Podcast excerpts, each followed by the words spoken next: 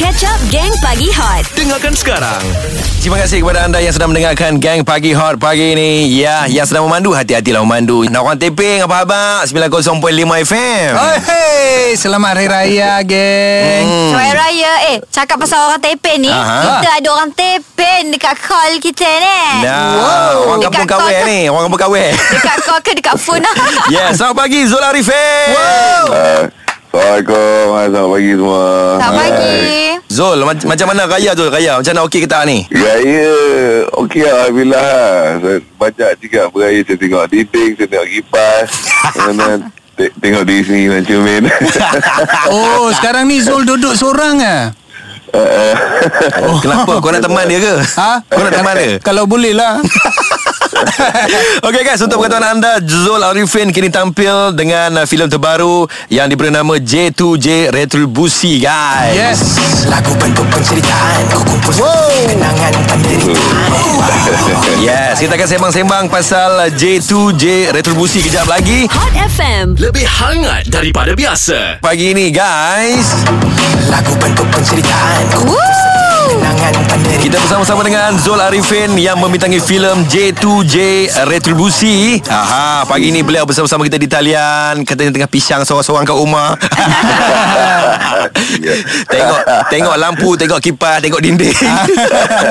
Itu yang mampu Itulah dia Zul Boleh cerita sikit Ya. tak Tentang uh, filem J2J Retribusi ni Sambungan daripada J Revolusi ni Saya memang di antara penonton uh, Tegar uh, J Revolusi Hampir boleh dikatakan 3-4 kali lah Aku tengok dekat panggung wayang. Ya. Aku cukup minat dengan watak J tu sendiri. Ah, Cuba ceritakan sikit Apa yang berlaku dalam uh, J Retribusi ni Okay The first uh, J Revolusi Kita shoot masa 2016 Okay. uh, kita tunjukkan dalam dalam tu kita tunjukkan uh, apa J uh, dalam sebahagian daripada suka pasukan uh, uh, unit tindakan UTK so dia lebih kepada group semangat setia kawan and everything. And then dengan kita ada beberapa uh, watak-watak sekeliling semua. But and then bila J revolusi something happen. And then uh, bila kita cut the story short bila bila kita tayang cerita tu ramai yang suka. Mhm. sambutan alhamdulillah. Tapi ramai yang nak more action Hmm.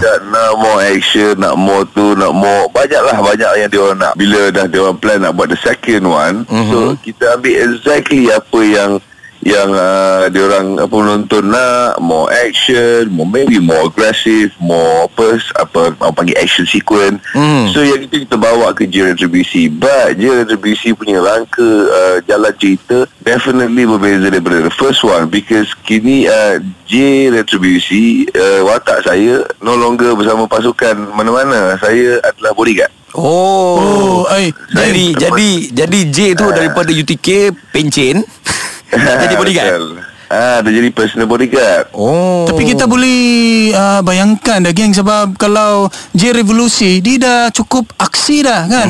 cukup dengan aksion. Ni pula tambahan aksion. Ya. Tambahan Tambah aksi. lagi. Sul, apa Ya, cabaran saya- untuk melakukan watak dalam J Retribusi ni? Oh. Ah, retro busu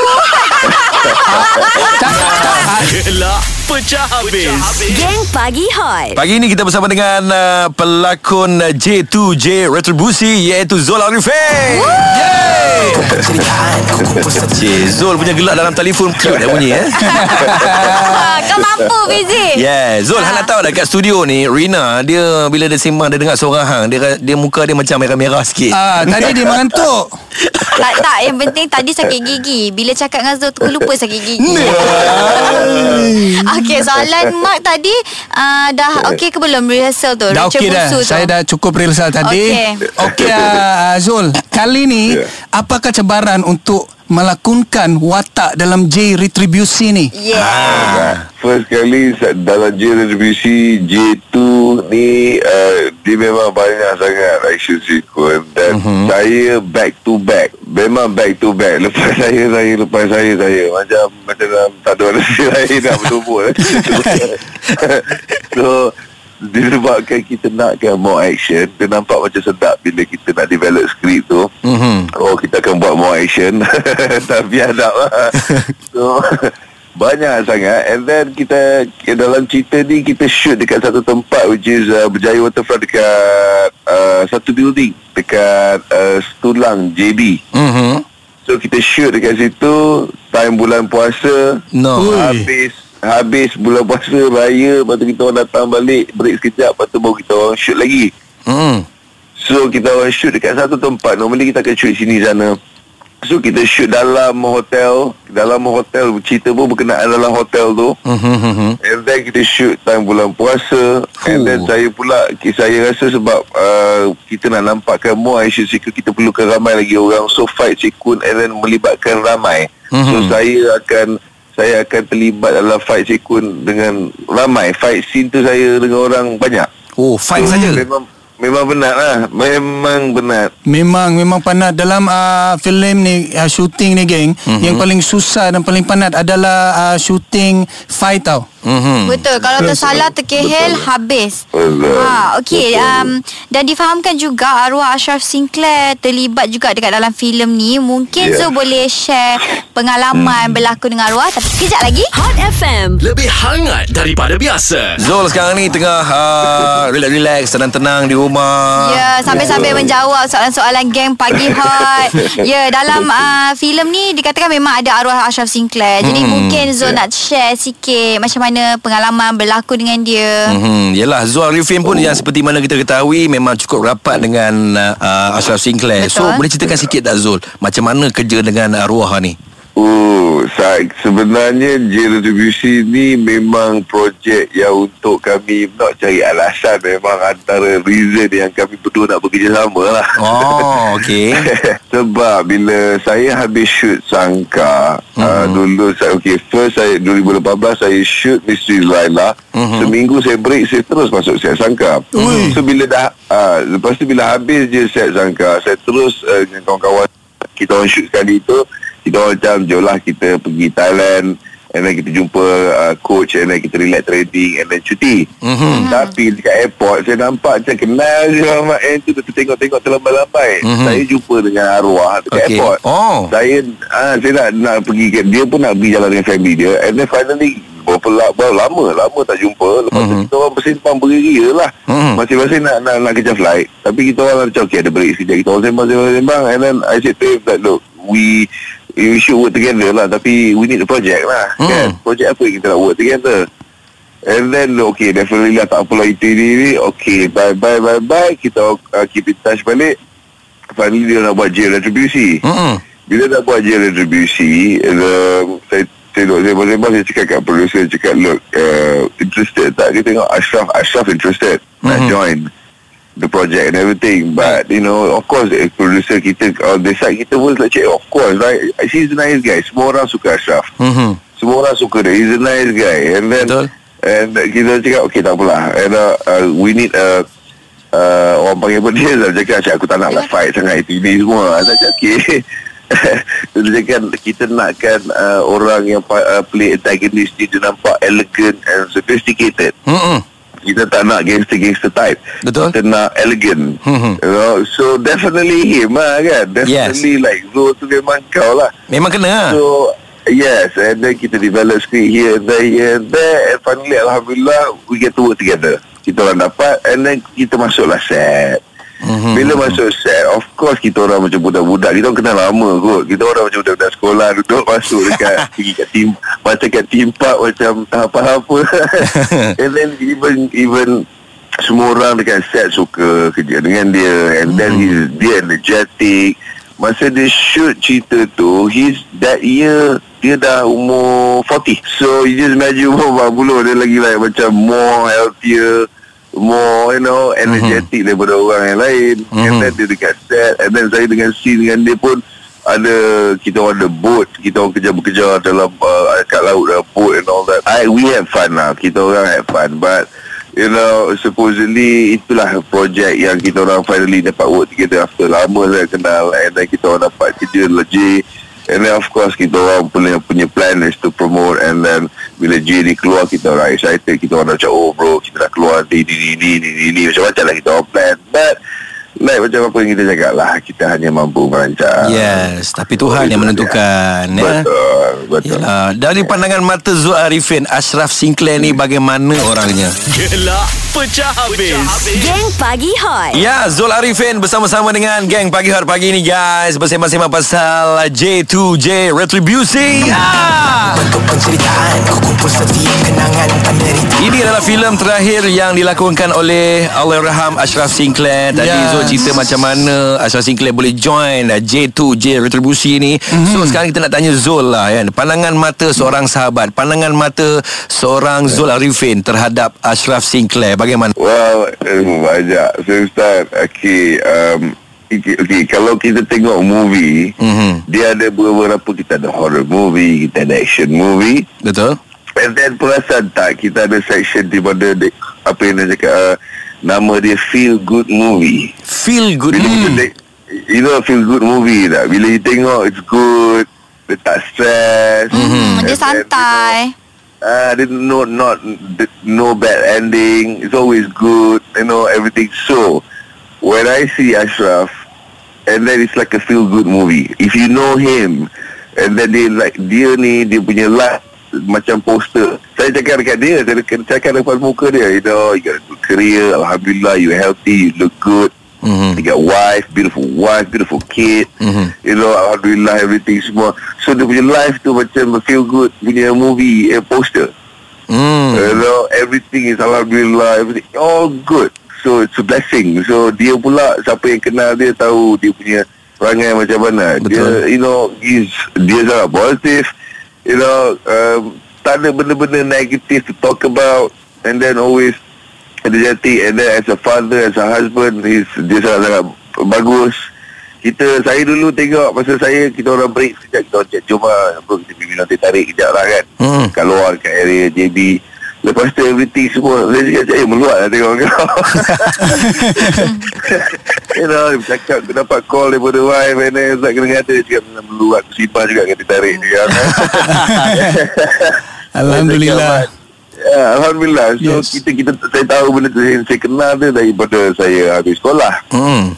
So Okay Saya first dulu Saya habis sekolah Saya buat commercial Okey. saya buat commercial Saya buat iklan mm-hmm. Saya tak tahu KL Kita orang DP Sampai KL Betul. Orang Celah tak tahu Oh, jadi So, macam uh, short le, le macam tu.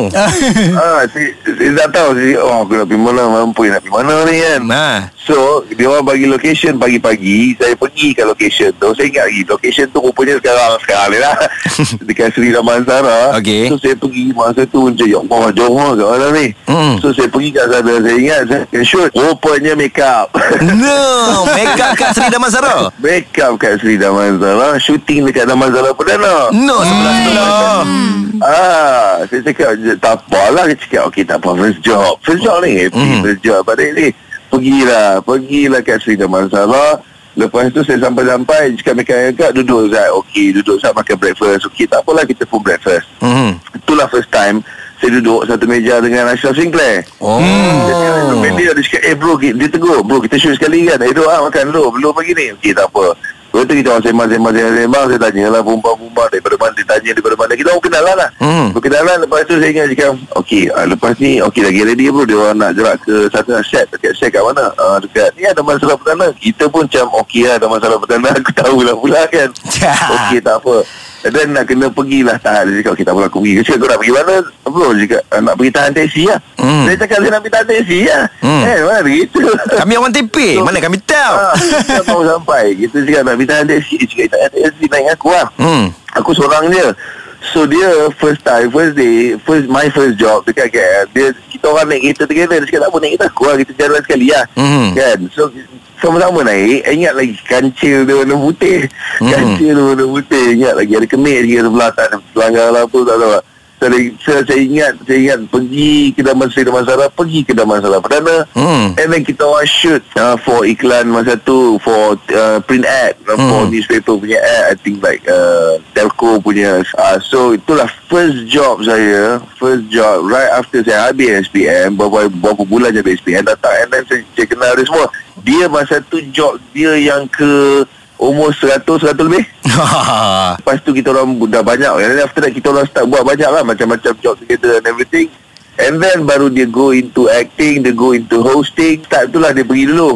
Dia pergi Hmm. dulu And everything. Semua Masuk dalam uh, Berlakon dalam Goreng Gincu I think. Yes. Ah, tidak ah, lepas tu lagi dia dah, dia dah kurang lah. Dia dah banyak go into acting lah. Mhm. Yeah. Itulah dia. Itulah.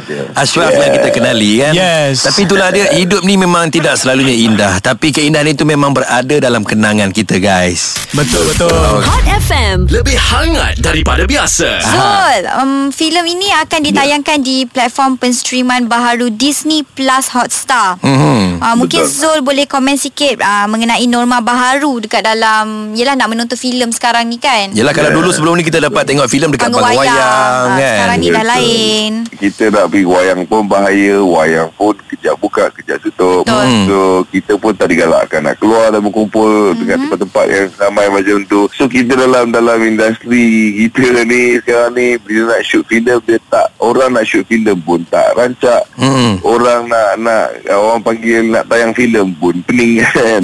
so alhamdulillah dengan pla- adanya platform-platform and especially now Disney dah ada dekat sini. And then uh, umpama orang cakap kita bawa wayang tu kalau tak boleh pergi wayang wayang tu kita bawa pergi depan depan muka rumah, rumah. Oh, And, yes. Kan? And also banyak juga not just je retribusi banyak lagi. The library the library is huge. So it's good for uh, semua peringkat. Uh, orang cakap apa umur you know family you know yang yang boleh boleh boleh join in but definitely saya sebagai pelakon alhamdulillah because uh, bila kita dah shoot cerita tu kita supposedly tayang the year after and then the pandemic so kita macam eh tayang ke tak tayang so bila ada ni platform and then now we uh, dah get involved dengan nak tayang dekat Disney Plus and everything Mhm. overall tiba-tiba it's the Disney Plus Yes. Pergi mana-mana saya tengok all the Disney punya promotion, the billboard and everything. Saya rasa macam wow, never cross my mind buat tiba-tiba kita nak shoot and benda ni tayang kat Disney right. Mm-mm. so, you know, I rasanya semua orang dah no need introduction. Semua orang tahu di, tak ada pula kita cakap perkataan Disney orang tak tahu perkataan Disney itu apa. Hmm. Semua orang dah tahu Disney itu apa. Yes. So it's it's for me it's not that hard to promote and then orang cakap nak get people to tune in and then you know uh, uh, watch the movie. So for me J Retribution kita launch sekali. So kita launch sekali the same time dengan Disney. So bagi saya jadi macam okay look uh, uh, ramai orang tanya, ramai peminat tanya, orang lain industri pun tanya, eh dia orang tahu J Retribution dah siap dah buat dah itu ini tayang mana. So finally saya ada jawapan. Ah. Finally saya ada jawapan untuk dia orang and then bila kat mana because dia orang akan tanya banyak kali. Saya Mm-mm. pun tak tahu jawab. Okay. So yeah, so now not just that and then now commercial and everything dah berulang-ulang tayang dekat dalam TV. You know, uh, so alhamdulillah finally it's it's hard tau. Dulu kita ada kita boleh datang dekat you guys punya tempat konti Mm, buat yes. interview and then kita boleh buat road tour kita Itu boleh lah. jumpa peminat Mm-mm. you know pergi utara selatan now this like macam everything is digital semalam pun saya buat live dekat zoom zoom punya uh, ni press Application. interview Mhm. so dia jadi macam alamak you know no, no matter what kita kena adapt lah kita kena adapt Yes. Betul, betul. So, we have to move on and then kita kena adapt Yes, macam masa J Revolusi akulah host dia masa showcase. Oh. yes betul yeah. Tiap hari aku jumpa Zul. Ah. Okey geng, sekarang ni saya ada soalan kepada uh, Zul. Aha. Tapi Boleh, saya, boleh. saya nak lari sikit daripada topik boleh? uh, boleh Okey, uh, kita semua tahu uh, Zul mempunyai badan yang uh, begitu Okey. sihat kan. Mhm. So dengan situasi sekarang pandemik kita tak boleh pergi gym. So macam mana Ya. Zul uh, maintain kesihatan badan tu? Gelak pecah habis.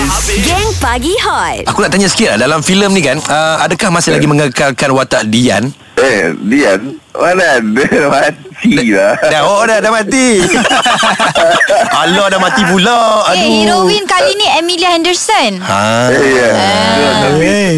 tapi best tau. Ramai orang akan cakap, akan tanya soalan tu soalan famous tau. Cakap, apa pasal uh, yang ni tak ada, ni tak ada. Ada dua watak kan. Dulu Izara Aisyah dengan Fazura. Kenapa dia tak ada? Saya Hmm. cakap, eh, dia dah mati kan. Kan Izara tu mati dalam lift. Ya, dia jadi macam, eh, oh okay. Sebab itu kan dah mati the first mm-hmm. Kalau ada boleh lagi kita kirim Tapi dah mati nak kirim apa Ya.